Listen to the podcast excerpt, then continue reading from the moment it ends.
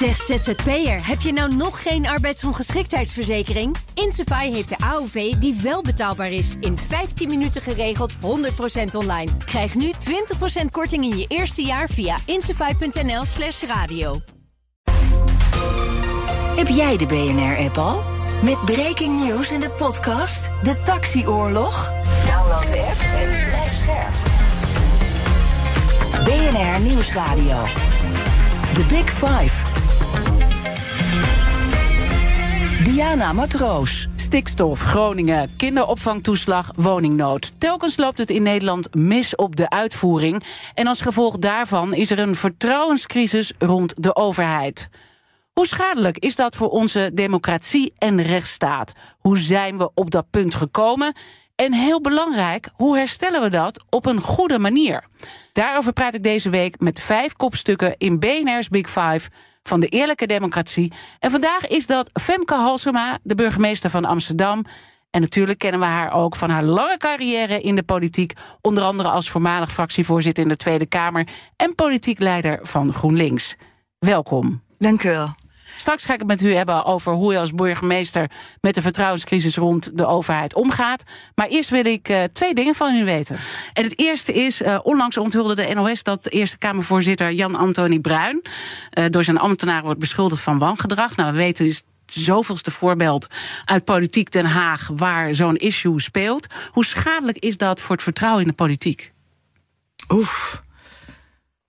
Um vooropgesteld dat het klopt, um, is dat schadelijk. Um, als bestuurder en politicus heb je het gedrag dat je bij andere mensen um, wil zien, heb je voor te leven.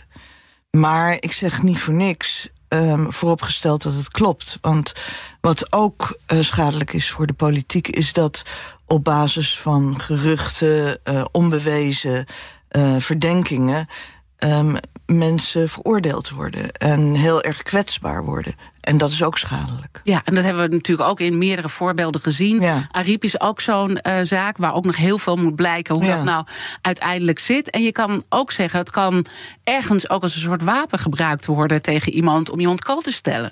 Ja, dat is, kijk, ik ben, um, uh, de MeToo-beweging is een fantastische beweging. Met name voor jonge vrouwen is het geweldig dat er zo'n grote onderlinge en wereldwijde solidariteit ontstaat ten aanzien van de lichamelijke integriteit en het recht van vrouwen om zichzelf te kunnen zijn. De keerzijde ervan kan wel zijn dat mannen op basis van onbewezen verdenkingen of andere uh, vogelvrij worden. Want um, kijk, in, in, in een moderne mediacultuur neemt een verdenking of een gerucht al heel snel de uh, vorm aan van bewijs.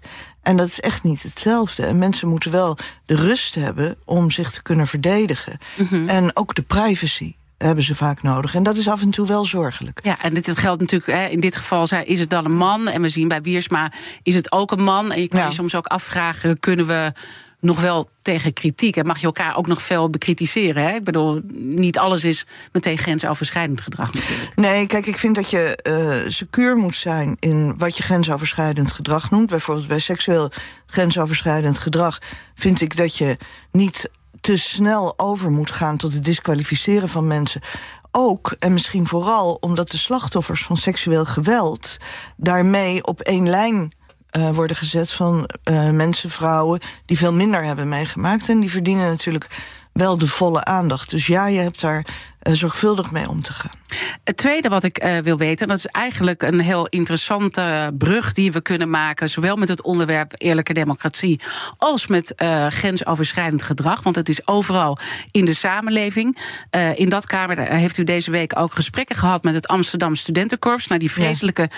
tafereelen, onder andere. En dat zijn wel natuurlijk feiten die gebeurd zijn, want ze staan op video vrouwen neer te zetten als hoeren en sperma-emmers. Ja. En u overweegt de sociëteit te sluiten. Wat, wat is daarbij doorslaggevend? Nou, laat ik als eerste zeggen dat ik het huidige koor... Um, en met name de Senaat, dus de, de uh, leiding van het koor... heel dapper vind. Want ze proberen echt iets te veranderen aan een decennia oude cultuur... waarin het volstrekt normaal wordt gevonden om eerstejaars bijvoorbeeld in elkaar te slaan. Of waarin vrouwen beledigd en vernederd mogen worden. En er soms ook seksueel grensoverschrijdend gedrag is. Men probeert daar echt iets aan te doen. Alleen zo'n senaat heeft alleen maar zachte maatregelen. En er is een onderzoek gedaan waaruit bleek dat er een cultuur van geweld is... waarbij ook ernstig letsel is. Dat onderzoek is geheim gebleven. Dat vind ik slecht. Want dat betekent namelijk dat ook de daders beschermd worden. En dat kan niet de bedoeling zijn. En er worden alleen maar interne maatregelen genomen. Ik, er is bijvoorbeeld niemand geweest die aangifte heeft gedaan. Terwijl dat natuurlijk volstrekt normaal zou zijn, want het is gewoon strafbaar gedrag. Crimineel gedrag is er, is er vertoond. Daar ben ik met ze over in gesprek. Omdat je merkt dat uit de historie van het korps, eh, van het koor komt voort... dat men het eigenlijk normaal vindt. Dat men er ook van uitgaat dat ze anders zijn dan de rest van de samenleving. En dat is natuurlijk niet zo. Ik heb uh, voor 600 jongeren gestaan deze week. Wat overigens ontzettend leuk was. Er was een hartstikke leuke sfeer. Mm -hmm. Maar ik heb wel tegen ze gezegd dat ik hoop dat zij zich realiseren... dat als dit was gebeurd in een buurthuis in Noord of in Nieuw-West dat het land te klein was geweest. En dat er niet met twee maten gemeten wordt. Dat ook als er bijvoorbeeld op hun sociëteit... mensen in elkaar geslagen worden... of meisjes geïntimideerd worden... of misschien zelfs aangerand... dat ik dan bereid ben om mijn bevoegdheden in te zetten. Zoals ik dat ook in andere mhm. lokalen of bij andere organisaties zou doen. Ja, hoeveel tijd krijgen ze om echt uh, nou ja, structurele maatregelen te nemen, de meer harde maatregelen? En wat zijn die maatregelen dan? Nou, nee, ik heb ze helemaal niet uh, zo onder druk gezet dat ik zeg uh, nog een maand en dan is het klaar. Mhm. Wat ik vooral tegen ze heb gezegd is: wij gaan strenger controleren dan we in het verleden hebben gedaan. We gaan um, beter handhaven, meer handhaven. En als het dan nog een keer voorkomt, dan ben ik bereid om echt gebruik van mijn bevoegdheden te maken. Dat kan betekenen het intrekken van de alcoholvergunning, sluiting van dispuutshuizen of sluiting van de sociëteit. En dan zullen ze wel de consequenties moeten merken. Waarbij ik me ook realiseer, want dat werd in die zaal ook gezegd dat er natuurlijk een verschil is tussen een incident. Dat komt in de beste families, kan dat voorkomen en een cultuur waarin het wordt vergoelijkt. Het laatste kan niet. En bij het eerste moet dat apart worden behandeld, maar moet er wel aangifte worden gedaan. Heb ik gelijk? Is er een relatie met eerlijke democratie? Als u zegt, als burgemeester kom ik op een gegeven moment op een punt dat ik dit moet aanpakken, want ik moet ook die vrouwen beschermen. Ja, kijk, ik vind dat je als bestuurder in een, in een uh, democratie een hele dure plicht hebt om mensen in minderheidsposities altijd heel erg te beschermen. Uh, het gaat er niet om wat voor, of het politieke, religieuze, etnische minderheden zijn en mensen die kwetsbaar zijn. En dat geldt ook binnen het koer. Daar zijn ook altijd de, jongste mensen, de mensen die misschien wat minder makkelijk mee kunnen komen, vrouwen, jonge meiden. En ik heb een plicht om daar uh, tegen op te treden. Het koor is wat dat betreft ook een kleine mini-samenleving. En ook daarin moet um, gelijkwaardigheid, rechtvaardigheid helpen. En ja, daar zijn dus ook de beginselen van een eerlijke democratie aan de orde. We gaan straks meer praten over uw eigen stad uh, Amsterdam. Maar het is ook interessant om, u bent ook de eerste gast in uh, deze week, om uh, met u te kijken, ook met alle ervaring die u al ook in de landelijke politiek heeft opgedaan, hoe het nou gaat met onze democratie en in hoeverre die wankelt. En hoeveel zorgen er ook leven onder burgemeesters over die democratie. Want u komt ook met, bij elkaar en praat ja. met elkaar natuurlijk. Ja, nou laat ik als eerste zeggen dat ik niet vind dat onze democratie wankelt. Ik denk dat wij een hele sterke democratische rechtsstaat kennen. Waarbij er ook nog altijd in een groot aantal instituties voldoende vertrouwen is. Uh, onder de burgers. Onze rechterlijke macht functioneert goed. Ons ambtelijk apparaat functioneert. Ik bedoel, er kan heel veel kritiek op zijn, hoor. Begrijp me niet verkeerd. Maar um, corruptie is in Nederland heel um, uh, gering. Uh, de pers is vrij. Um, uh, de verkiezingen verlopen eerlijk. Dus ik vind dat we ook niet te alarmistisch moeten zijn. Maar tegelijkertijd kunnen we ons er niet aan onttrekken dat een groot deel van onze bevolking weinig vertrouwen heeft. En de neiging heeft om zich af te keren mm -hmm. van de democratie. Nee, je hebt um, de Atlas van Afgehaakt Nederland. Um, waaruit blijkt dat ja, heel veel burgers eigenlijk ja, op hele grote afstand beginnen te verkeren van de overheid. Juist burgers die soms heel afhankelijk zijn van um, uh, voor hun inkomen of voor hun zekerheden van die overheid. Mensen die daardoor dus op extra achterstand komen te staan.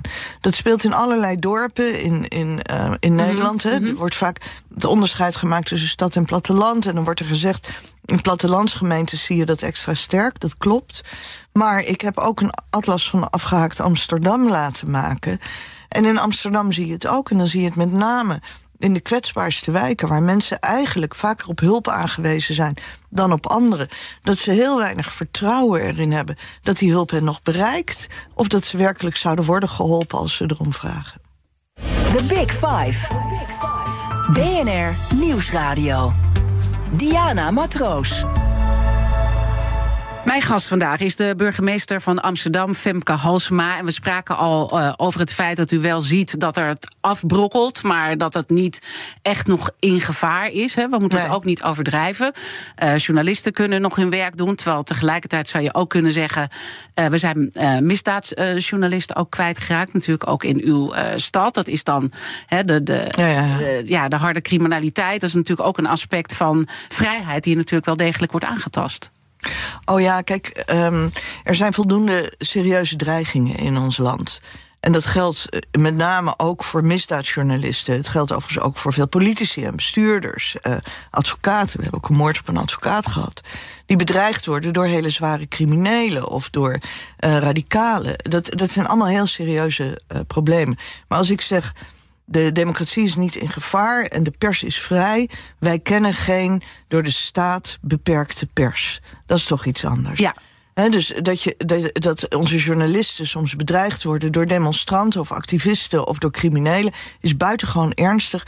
Maar dat zegt nog niet per se iets over de staat van onze democratische rechtsstaat. Daar heeft u natuurlijk uh, gelijk in. En tegelijkertijd hoor ik dat er toch heel veel zorgen ook uh, zijn over die uh, democratie. En aan de ene kant ben ik gerustgesteld. Oké, okay, het gaat, gaat aan één kant gaat het nog niet, niet heel erg slecht. En we kunnen ook, als we ons vergelijken met andere landen, gelukkig prijzen, denk ja. ik.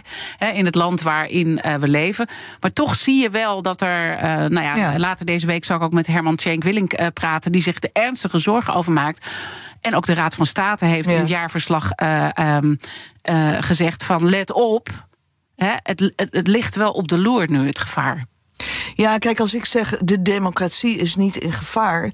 Um, dan komt dat omdat ik niet ons uh, in een korte tijd tot een, een dictatuur zie verworden of iets mm -hmm. dergelijks. Maar ik ben het volledig met Herman Schenk Willink en anderen eens. En ik uit het zelf ook heel regelmatig. Dat wij wel uh, een vertrouwenscrisis hebben. Dat die vertrouwenscrisis echt buitengewoon ernstig is. Dat bestuurders en politici daarvoor vooral bij zichzelf te raden moeten gaan... in plaats van de bevolking daarvan de schuld te geven.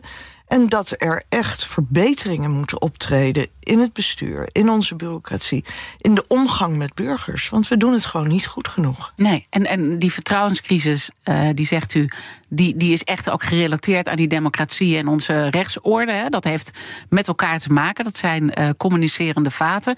Waaraan uh, kunt u merken, en ook in gesprek met de, met de andere burgemeesters, dat dat begint te schuiven? Nou, wat ik, um, waar ik me bijvoorbeeld heel erg zorgen over maak, dat is de opkomst bij verkiezingen. Mm -hmm. um, kijk, als burgers geen vertrouwen meer hebben dat politiek bijdraagt aan de verbetering van hun lot, of de verbetering van hun stad of hun land, dan nemen ze ook niet meer de moeite om te stemmen. En het zijn met name de bewoners die heel kwetsbaar zijn, die het eerste stoppen met stemmen. Wij hebben uh, uh, wijken in Amsterdam waar de opkomst beneden de 20% is. En dat is echt dramatisch. En dat zijn ook nog eens plekken in onze stad waar de armste mensen wonen. Waar um, de huizen het slechtst zijn, waar de criminaliteit het hoogst is. Dus ja, dat is heel zorgelijk, omdat mensen dan um, ja, heel ver wegraken van, um, van onze democratie, van hun mogelijkheden om invloed uit te oefenen. Daar praat ik heel regelmatig over met, met andere burgemeesters, vanzelfsprekend. Vooral ook omdat wij als lokaal bestuurders natuurlijk veel dichter op mensen zitten en, en leven en veel meer zien dan vaak de politici in Den Haag. Mm -hmm. En u bent ongeveer uh, vijf jaar nu uh, burgemeester van die prachtige ja. uh, stad, overigens ook ja. mijn stad. maar goed, dat moet natuurlijk niet ter zake doen. Maar als u, als u dan kijkt naar alle verhalen die u tegenkomt, is er een verhaal in dat opzicht dat u heeft geraakt? Dat, dat u zegt: oké, maar hier gaat het dus over? Um, uh, ja, moet ik even nadenken. Nou, laat ik maar een, een verhaal, een, een voorbeeld noemen van eigen dysfunctioneren. Nou, er is een, er is een mooi voorbeeld mm waar wij als bestuur het echt verkeerd doen. Een voorbeeld dat ik ook wel vaker heb gebruikt. Hier in Amsterdam is er een snackbar-eigenaar. Het is een klein voorbeeld. Die al jarenlang een vergunning heeft. En uh, die vergunning moet verlengd worden. Um, en daarbij moet gecontroleerd worden op criminele antecedenten. En de man um, kan niet goed lezen en schrijven. En die vult het formulier verkeerd in. En vervolgens, ondanks dat hij al jarenlang die snackbar heeft, wordt de vergunning um, niet verlengd. Maar hij heeft ontwikkelde dochters die wel heel goed de formulieren in kunnen vullen. En die maken bezwaar. En die zeggen, uh, ja, vader uh, kon gewoon niet zo goed lezen... maar hij is de goeder trouw. Hij heeft nog nooit iets fout gedaan. Nooit met politie in aanraking geweest. Werkt maar hard waarschijnlijk. Werkt hard, weet je, doet niks verkeerd. Hij heeft gewoon een formulier ingevuld dan krijg ik een advies, ambtelijk advies. En dat luidt dan, en dit is eigenlijk heel veelzeggend... het kan wel wezen, maar de meneer heeft een fout gemaakt... wij hebben volgens de regels gehandeld... dus de vergunning moet niet verlengd worden. Dan uh, wat ik in toenemende mate doe... en wat ook ambtelijk steeds vaker gebeurt... ik roep mijn ambtenaren dan bijeen en dan zeg ik... wat, wat zijn we nou aan het doen? Mm -hmm. Want um, regels, rechtmatigheid moet altijd ten doel hebben rechtvaardigheid. Dus het moet ook een redelijke uitkomst hebben. Wie hebben wij geholpen als we deze man zijn vergunning ontnemen? Wat maakt het uit dat hij een formulier een keertje verkeerd heeft ingevuld? Als hij te goeder trouw is. Natuurlijk moeten we dat checken, maar als er niks aan de hand is, dan maakt het toch niet uit. Dus de man heeft zijn vergunning gekregen. Maar het is heel veelzeggend voor hoe een overheid, ook de lokale overheid, maar vooral ook de landelijke overheid, lang met zijn burgers is omgegaan. Mm -hmm. Wantrouwend. Ze behandelen als potentiële fraudeurs. Um, vooral controleren waar ze de fouten maken. Niet wat de intenties van mensen zijn. De hele toeslagenaffaire is daar natuurlijk een gevolg van. Mm -hmm. Mijn voorbeeld, hoe klein ook, en gelukkig gerepareerd... is in de kern um, laat het hetzelfde probleem zien. Namelijk een overheid die zijn eigen inwoners niet vertrouwt. En ze dan um, te negatief behandelt. En daardoor ook uit kan sluiten. En heeft u dit nou ook in uw tijd dat u zelf in uh, de Tweede Kamer zat al ja. zien uh, gebeuren ook? En misschien wel ook uh, nou, dat u ook naar nou, kijkt naar het eigen gedrag in die tijd. Hm, misschien was dat toch een beetje gek, hoe, hoe ik daar ook in mee ben gegaan. Nou, ja, weet je, het is heel vervelend. Ik haat de I told you so um, uh, positie. Maar in dit geval, ik weet dat ik jarenlang uh, debatten heb gevoerd met Balkenende, bijvoorbeeld. Balkenende was, had een agenda voor normen en waarden. En dat ging altijd over hoe burgers zich beter moesten gedragen. En ik weet dat ik toen heel vaak ook gepraat heb over de overheidsmoraal. Hoe willen wij eigenlijk met mensen omgaan? Welk voorbeeld geven wij? En de vraag die ik destijds voorgelegd heb aan Balken... en dat was 2004, 2005... Mm -hmm. is gaan wij ervan uit dat mensen van kwaaie wil zijn... en controleren we ze zoveel mogelijk? Of gaan we ervan uit dat mensen van goede wil zijn... en accepteren we dan dat er af en toe gefraudeerd wordt? Toen ook koos ik voor het tweede... Maar in die tijd werd je echt in je gezicht uitgelachen als soft, naïef, um, uitkeringsfraude, vergoeilijken, andere vormen van fraude vergoeilijken. Terwijl ik was toen en ik ben nu er ten diepste van overtuigd dat um, een overheid werkelijk dienstbaar uh, heeft te zijn. En dat betekent dat je vooral heel erg kritisch op jezelf hebt te zijn en hebt te accepteren dat um, burgers je soms bedriegen. En dat je um, daar maar mee moet leren leven om al die andere mensen die wel van goede wil zijn rechtvaardig te kunnen behandelen. Mm -hmm. En dan, dan gebeurt dat in die tijd, wat ik dus fascinerend vind. Uh, nou, jij werd beschimd en, en werd, werd uitgelachen voor dat soort softe opmerkingen. Uh, intussen kennen we de realiteit waar we in nu, nu leven. En we gaan mm -hmm. straks ook praten hoe we dat nou moeten herstellen en hoe moeilijk ja. dat is. Maar wat, wat zegt het over uh, die politiek, dat dat zo op die manier is ontstaan.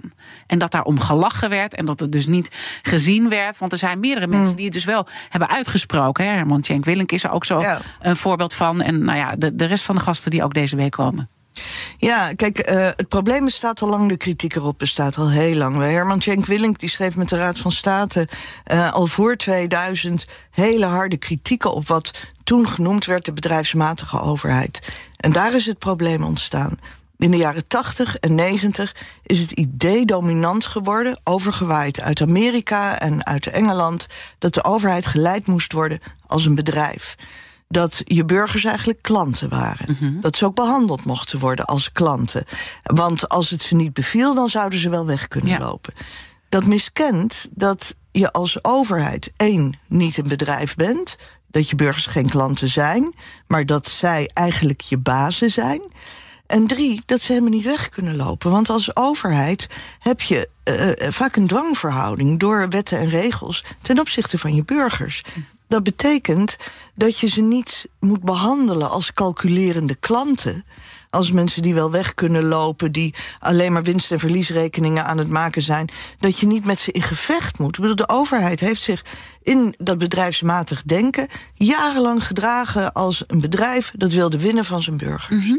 Nou, nou ja, ik ken de conferenties ook nog. Trouwens, ik heb er zelf ook aan meegewerkt. De BV Nederland. Ja, er heel veel uh, conferenties over georganiseerd. Ja, sterker, dat, ja, dat was natuurlijk in de jaren 80 en 90 was dat heel dominant. Dat was bijvoorbeeld onder Paars. Was dat gewoon bon ton. Om in termen te spreken van de BV Nederland. Ja, waarbij behalve dat burgers als klanten werd, uh, werden behandeld, men er ook van uitging dat burgers allemaal zo mondig waren en zo um, uh, ontwikkeld en, en, en, en zoveel scholing achter de rug hadden, dat ze zelf wel in staat waren om verantwoordelijk uh, om te gaan met de overheid. Maar dat is misschien beredeneerd vanuit de eigen bubbel, waar, waar diegenen die dat denken dan in hebben gezeten. Want die kunnen vaak het wel heel goed verwoorden en weten de weg. Uh, ja, nou, het, het, was fundamenteler dan dat. Ik bedoel, het zal ook zijn hoor dat je eigen uh, beperkte opvatting over het leven daarin een rol speelt. Nee, het was een overheidsfilosofie die um, in heel West-Europa heel dominant is geweest. En die, um, ik weet, Herman Schenk Willink, want ik heb in het verleden dat veel van hem gelezen, die zei: ergens is het misgegaan toen op de ministeries, en dan beschrijft hij begin van de jaren negentig, de juristen vervangen werden door economen. Want de juristen moesten vooral uh, controleren of de wetten juist en rechtmatig en vervolgens rechtvaardig waren. En de economen die in de plaats kwamen, die gingen vooral controleren hoe efficiënt het beleid was. En uh, of de efficiëntie van de overheid wel groot genoeg was. Ja, dat leidt er al heel snel En was het ergens ook, hè, want we kunnen nu gewoon zeggen, uh, dit is helemaal doorgeschoten. Ja. is, is niet goed gegaan. Maar het is ook interessant om te kijken, want nu willen we allemaal terug. Maar soms hebben we dingen ook gedaan omdat ze ergens ook goed voor waren. Of, of, of, zegt u, het was eigenlijk niets goeds aan? Oh jawel, natuurlijk was dit ook weer een reactie op een andere periode. Want aan het begin van de jaren tachtig dijde de verzorgingsstaat zo uit. En waren de, de, de verschillende arrangementen van de verzorgingsstaat zo groot geworden. dat dat ook een markt van zichzelf was geworden. Waar uh, de medewerkers van de verzorgingsstaat, hulpverleners, jongerenwerkers, straathoekwerkers. die gingen gewoon vraag zoeken. Ja. Um, er is een beroemd uh, boek van Hans Achterhuis. Uh, dat heet De Markt van welzijn en geluk. En dat beschrijft die exploderende verzorgingsstaat, die ook veel te duur werd. En waarbij mensen een veel te grote afhankelijkheid van de overheid kregen. Dus het was logisch dat dat werd teruggefloten, alleen het is veel te ver doorgeschoten. Laten we dan met deze uh, lessen die geleerd zijn kijken straks in de tweede half uur uh, met mijn gast vandaag, burgemeester Femke Halsema. Uh, hoe we dit kunnen herstellen en ook hoe ze dat in haar eigen stad doet. Blijf luisteren. Zeg ZZP'er, heb je nou nog geen arbeidsongeschiktheidsverzekering? Insafai heeft de AOV die wel betaalbaar is. In 15 minuten geregeld, 100% online. Krijg nu 20% korting in je eerste jaar via insafai.nl slash radio. Verdienen jouw medewerkers de beste HR-service? Wij vinden van wel. Numbers combineert payroll met slimme HR-features. Bespaar kosten en geef medewerkers eenvoudig toegang tot verlof, declaraties en loonstroken. Probeer Numbers op nmbrs.nl. BNR Nieuwsradio. The Big Five. Diana Matroos. Welkom bij tweede half uur. Deze week praat ik met vijf kopstukken uit de wereld van de democratie. En vooral hoe we komen tot een eerlijkere democratie. Later deze week praat ik nog met de nationale ombudsman Reinier van Zutphen. En dan ben ik ook benieuwd naar zijn adviezen uh, voor politiek Den Haag. En vandaag praat ik ook over dezelfde problematiek met uh, de burgemeester van Amsterdam, Femke Halsema. En het komende half uur wil ik in ieder geval nog twee on uh, onderwerpen met u bespreken. nou, wat uw eigen plannen eigenlijk zijn. Want u bent ook nou, aan het reflecteren op vijf jaar burgemeesterschap bijna. En hoe dat verder gaat. Maar vooral wat er nodig is om het wederzijds wantrouwen tussen de burger en de overheid uh, te herstellen. En laten we met dat laatste beginnen, want we waren echt op het mooie punt ook aangekomen. Om te zien hoe die verandering is ingezet. En dat die verandering naar meer economisch denken, ook in de politiek, eigenlijk wel een reden had. Ook om dat te doen. Maar dat we nu de problemen uh, zien. Op allerlei punten loopt de uitvoering vast. Er is wantrouwen ja. uh, naar die burger. Die wordt eigenlijk gezien als een soort uh, klant. En die wordt aan alle kanten uh, uh, ja, hard uh, aangepakt. Ook binnen uw eigen stad is dat een probleem. Ja. Is dit ook nog iets waar het bedrijfsleven een belangrijke rol bij speelt? Want we hebben ook een ondernemende zender. Veel mensen van het bedrijfsleven luisteren ook. Welke rol spelen zij in dit verhaal? Mm, nou, kijk, ze hebben vooral verantwoordelijkheid ten aanzien van hun eigen bedrijven in de eerste plaats. Maar um, ik ben. Um, wel zeer gesteld op bedrijven die maatschappelijk engagement tonen. En ik denk dat dat in deze tijd ook heel erg noodzakelijk is. Ik denk dat de periode van het aandeelhouderskapitalisme, waarin het alleen maar om de winsten gaat, echt voorbij is. Um, ik zie gelukkig hier in Amsterdam echt heel veel bedrijven die bereid zijn om ook na te denken over de toekomst van de stad. En bereid zijn om daarin te investeren. Die bijvoorbeeld helpen bij het tegengaan van armoede. En begrijp me niet verkeerd. Ik vind dat het bedrijfsleven nooit in de plaats mag komen van de verantwoordelijkheid van de overheid. De overheid is verantwoordelijk voor de basisvoorzieningen. Maar dit is bijvoorbeeld ook een stad, Amsterdam, waar uh, particulieren het Vondelpark hebben gebouwd. En het Prinsengrachtziekenhuis. Precies. En, um, en je merkt in toenemende mate dat um, moderne bedrijven, ondernemers zich ook willen engageren. Dat ze ook nadenken. En ook uit eigen belang. Omdat ze ook zien dat mensen die arm worden, een stad die uit balans raakt, uh, waar bijvoorbeeld de middengroepen verdwijnen. Dat is ook heel slecht uiteindelijk voor um, de stabiliteit van, uh, van het bedrijfsleven en van onze economie. Maar de kern die ligt eigenlijk bij de politiek. Hè? En, uh, en ook bij het bestuur, ook uh, lokaal. Of dat nou in een stad als Amsterdam is, of dat dat uh, landelijk zo speelt.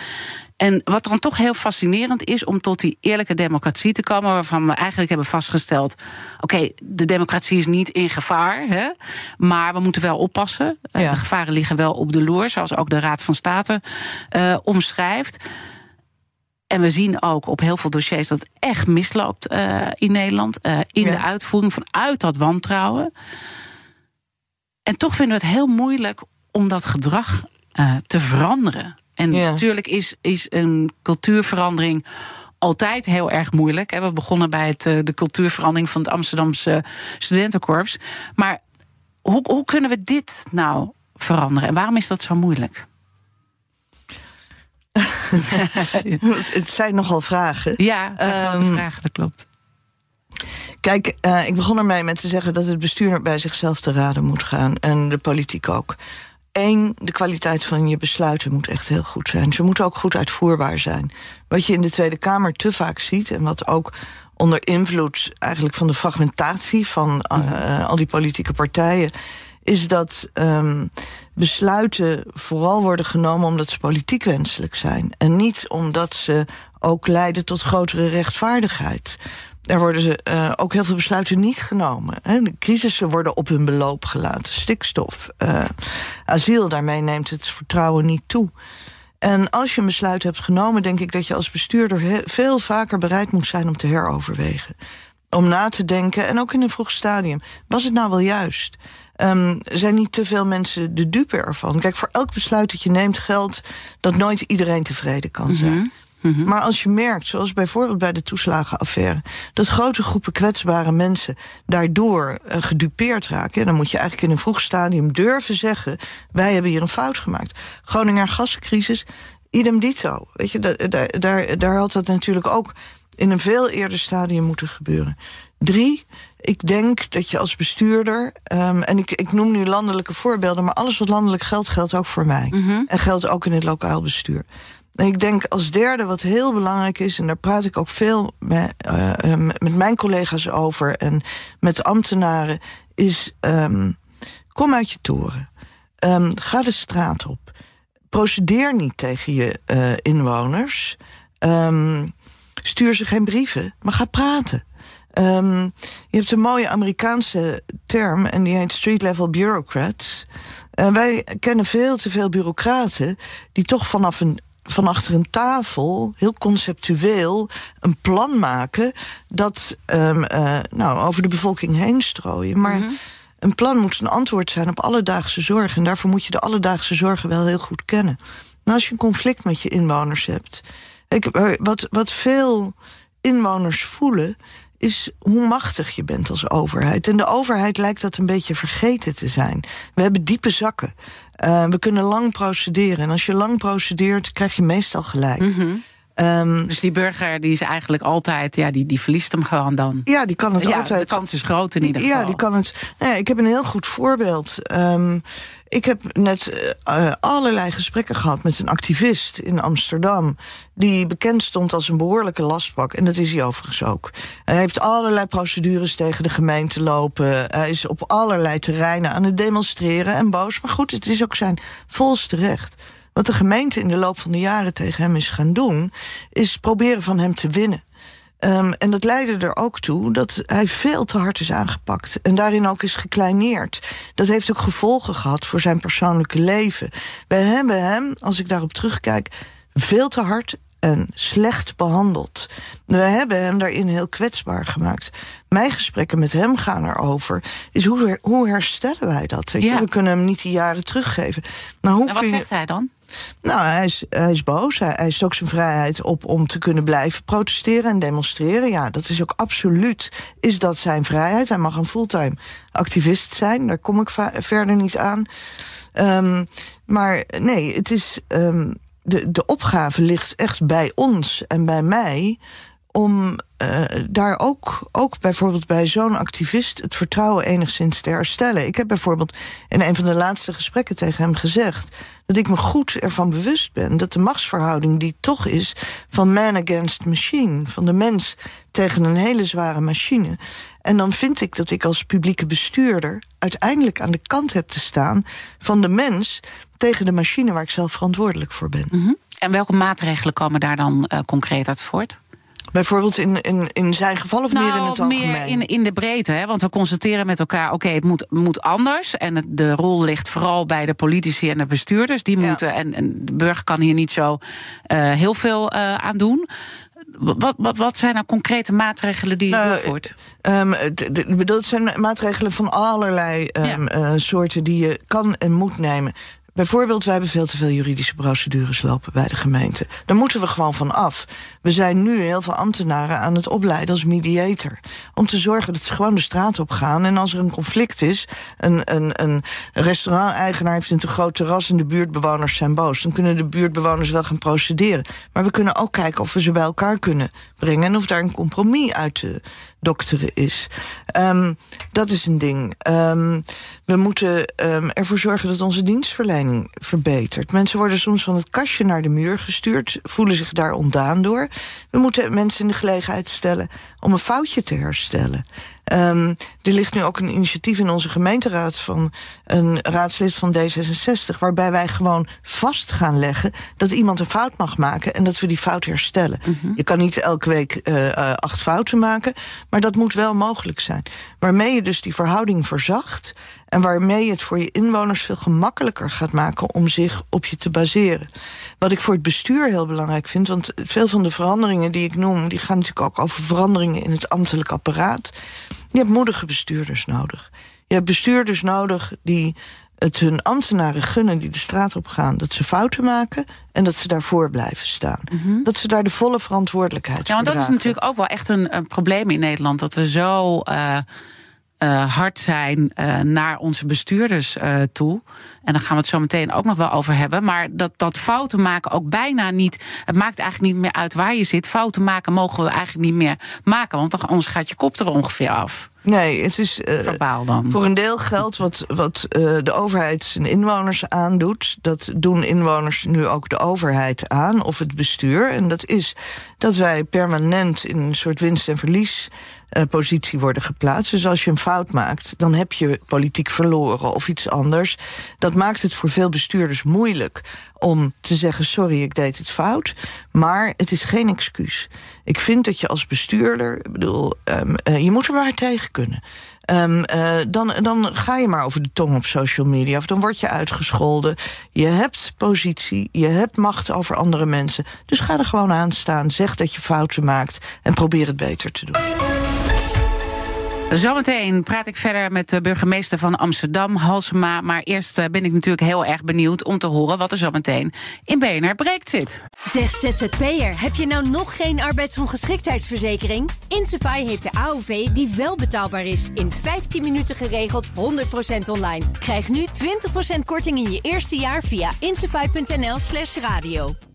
Verdienen jouw medewerkers de beste HR-service? Wij vinden van wel. Numbers combineert payroll met slimme HR-features. Bespaar kosten en geef medewerkers eenvoudig toegang tot verlof, declaraties en loonstroken. Probeer Numbers op nmbrs.nl. BNR Nieuwsradio. The Big Five. Diana Matroos. Je luistert naar BNR's Big Five van de eerlijke democratie. Later deze week zal ik ook nog spreken met Tweede Kamerlid voor de SP Renske Leijten over haar onvermoeibare strijd voor eerlijke en rechtvaardige politiek. Mijn gast vandaag is Femke Hosma, de burgemeester van Amsterdam. En onze gasten stellen elkaar ook vragen via de kettingvraag. En afgelopen week was hier Katelijn Muller te gast. Zij is topadviseur van de EU op het gebied van AI. Dat was trouwens een andere week. Uh, dat ging over de impact van kunstmatige intelligentie, gepresenteerd door mijn collega Art Royakkers. Uh, maar uh, zij had wel een, uh, een vraag voor u. En de vraag is.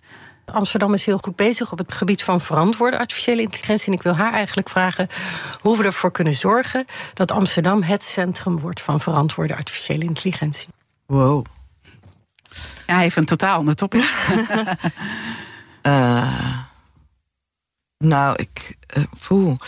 Um, Kijk, Amsterdam, um, de digitale stad van Amsterdam is net deel. Um, uh, maakt sinds kort deel uit van het UNESCO Werelderfgoed. En dat is met een reden, omdat in Amsterdam, met name Marleen Sticker en De Waag, eigenlijk al heel vroeg hebben erkend dat met digitalisering het ook heel belangrijk is dat er een publieke sfeer wordt gecreëerd. Waar niet de commercie dominant is, die niet door het bedrijfsleven alleen maar wordt gedomineerd. Ik denk dat in de ontwikkeling van de digitale stad Amsterdam ook een hele goede positie heeft om eh, verantwoordelijk om te gaan met AI. Tegelijkertijd denk ik dat dat in de eerste plaats toch echt een landelijke en Europese verantwoordelijkheid is. Ik bedoel, er zijn techbedrijven die wereldwijd bepalen hoe uh, um, kunstmatige intelligentie zich ontwikkelt. Dat is riskant. Uh, dat wil niet zeggen dat je ze moet nationaliseren, zeker niet. Maar wel moet normeren. Je zal regels moeten stellen. Je moet het speelveld gaan bepalen. Je moet de privacy gaan beschermen. En daar moet je niet te lang mee wachten. Ik vind het heel goed dat er in Europa nu stappen worden gezet. En ik hoop dat Nederland ja, daarin wel in een voorhoede terecht wil komen. En niet omdat we bang moeten zijn voor AI. Dat absoluut niet. Ik bedoel, ik, ik geloof niet in, in angstfantasieën dat AI de mens gaat overheersen. Maar we moeten er wel op een verstandige manier mee omgaan. Net zoals dat we met die uh, democratie verstandig uh, om moeten gaan en er goed voor moeten zorgen. En misschien is het mooi om in het slotstuk uh, daar nog over verder te praten. En ook de kettingvraag door te pasen aan de volgende gast. Want dat is Herman Tjenk Willings. Zijn naam is al een paar keer gevallen gedurende deze uitzending. Het kan ook niet anders als je dit onderwerp natuurlijk bij de kop pakt. Wat zou u hem willen vragen? Wauw. Kijk, dit is een, een, een man die, waar ik trouwens dol op ben. Ik bedoel, het is natuurlijk een van de meest wijze mensen die Nederland bezit. En waar we altijd heel goed naar moeten luisteren. Maar die heeft zelf al zoveel antwoorden gegeven op moeilijke vragen. Um, ja. Ehm, dag Herman, of zo hoef ik het niet te zeggen, hè, want jij uh, geeft gewoon. Nee, nee, zeg maar. Dag, uh, um, echt gericht aan hem. Ja. Uh, dag Herman, ik hoop je weer eens te zien. En ik. Um, ben jij het eigenlijk niet met me eens dat het heel verstandig zou zijn om het lokaal bestuur de komende jaren meer bevoegdheden te geven? En bijvoorbeeld ook groter belastinggebied in tegenstelling tot de Rijksoverheid omdat wij nou eenmaal veel dichter bij onze inwoners staan, beter begrijpen en sociale problemen daarmee ook misschien beter kunnen oplossen. Mooie vraag, uh, die ga ik hm. hem uh, zeker voorleggen. En dan uh, toch ook een, een, vraag die daar ook voor mij onder ligt naar u. is het ook zo dat burgemeesters daarin ook meer lef gaan tonen en meer de zaken naar zich uh, toe gaan trekken. Bijvoorbeeld zoals u heeft gedaan met, met corona, om heel duidelijk te zeggen: dit gaat gewoon echt te ver. Ik kom nu op voor mijn burgers. Nou, ik vind dat je de positie van de burgemeester niet moet uh, overschatten. Mm -hmm. um, we zijn weliswaar indirect gekozen. Hè. We zijn gekozen door onze gemeenteraad, maar benoemd daarna.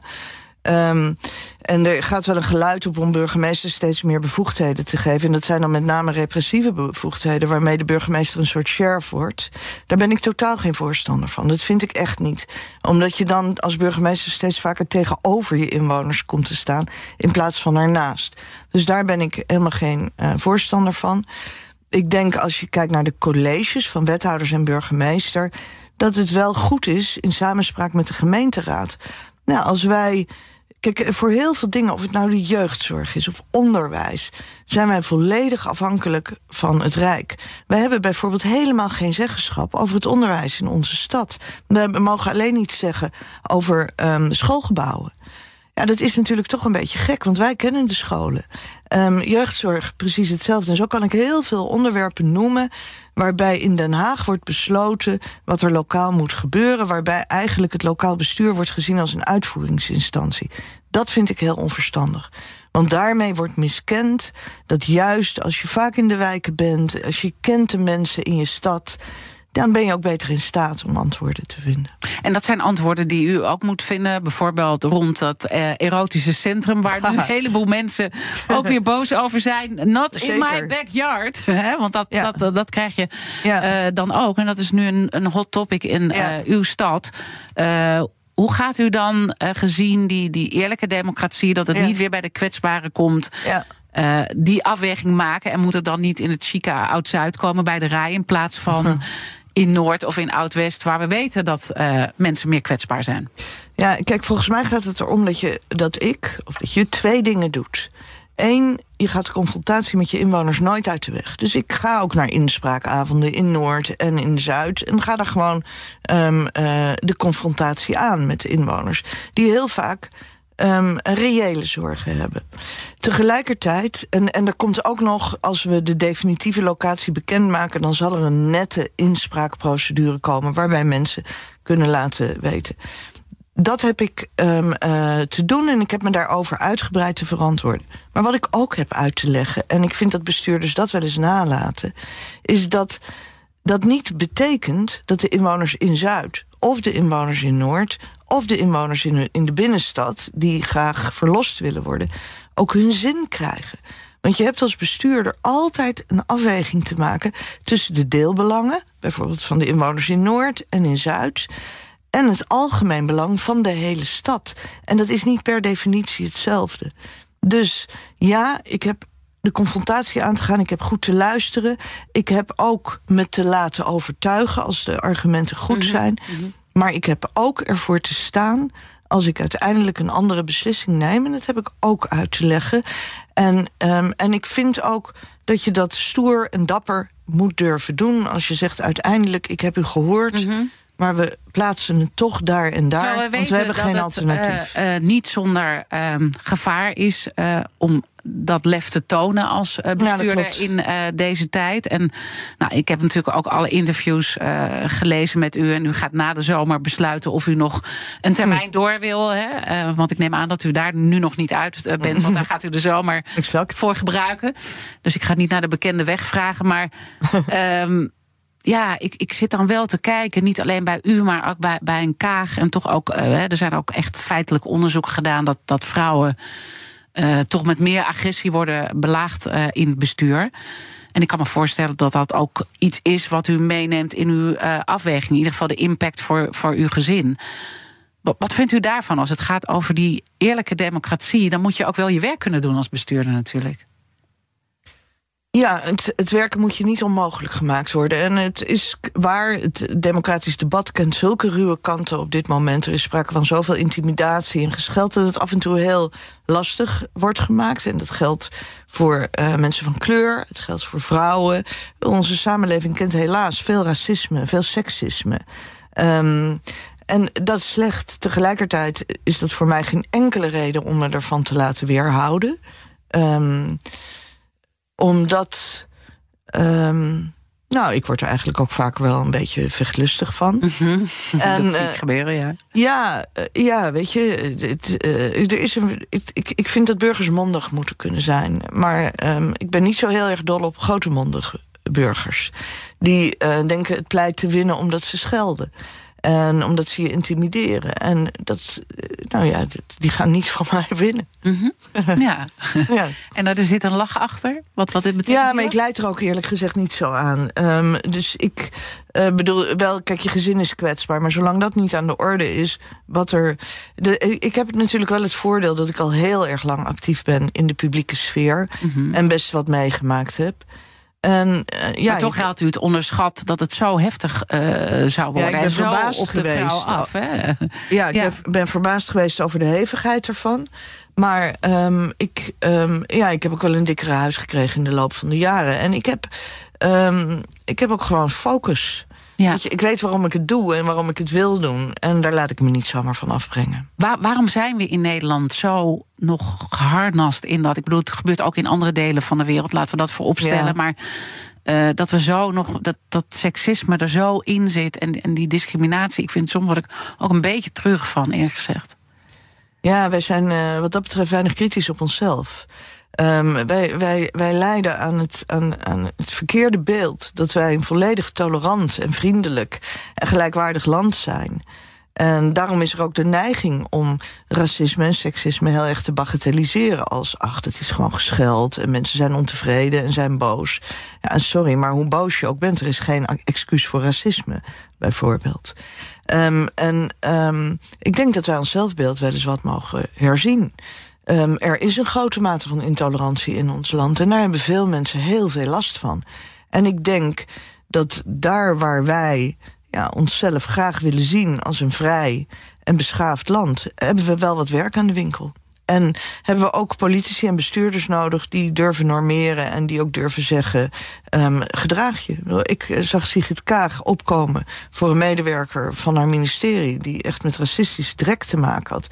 Nou, daar hou ik van. Dat is de manier waarop je het moet doen. Ja, en misschien mogen we iets meer dan voor haar ook gaan staan dan met z'n allen. Absoluut. Ja, ja, zeker. Dat verdient zij zeker. Ja. Dank. Uh, ik vond het leuk. Graag gedaan. Ik ook. En natuurlijk zijn alle afleveringen van de Big Five zoals altijd terug te luisteren. Ga naar je favoriete podcast-app, dan vind je het allemaal terug. Maar heel belangrijk, blijf live op deze zender. Zometeen BNR breekt met ook weer een prachtig topic. En ik wens je een mooie dag. Zeg ZZP'er, heb je nou nog geen arbeidsongeschiktheidsverzekering? Insafai heeft de AOV die wel betaalbaar is. In 15 minuten geregeld, 100% online. Krijg nu 20% korting in je eerste jaar via insafai.nl slash radio.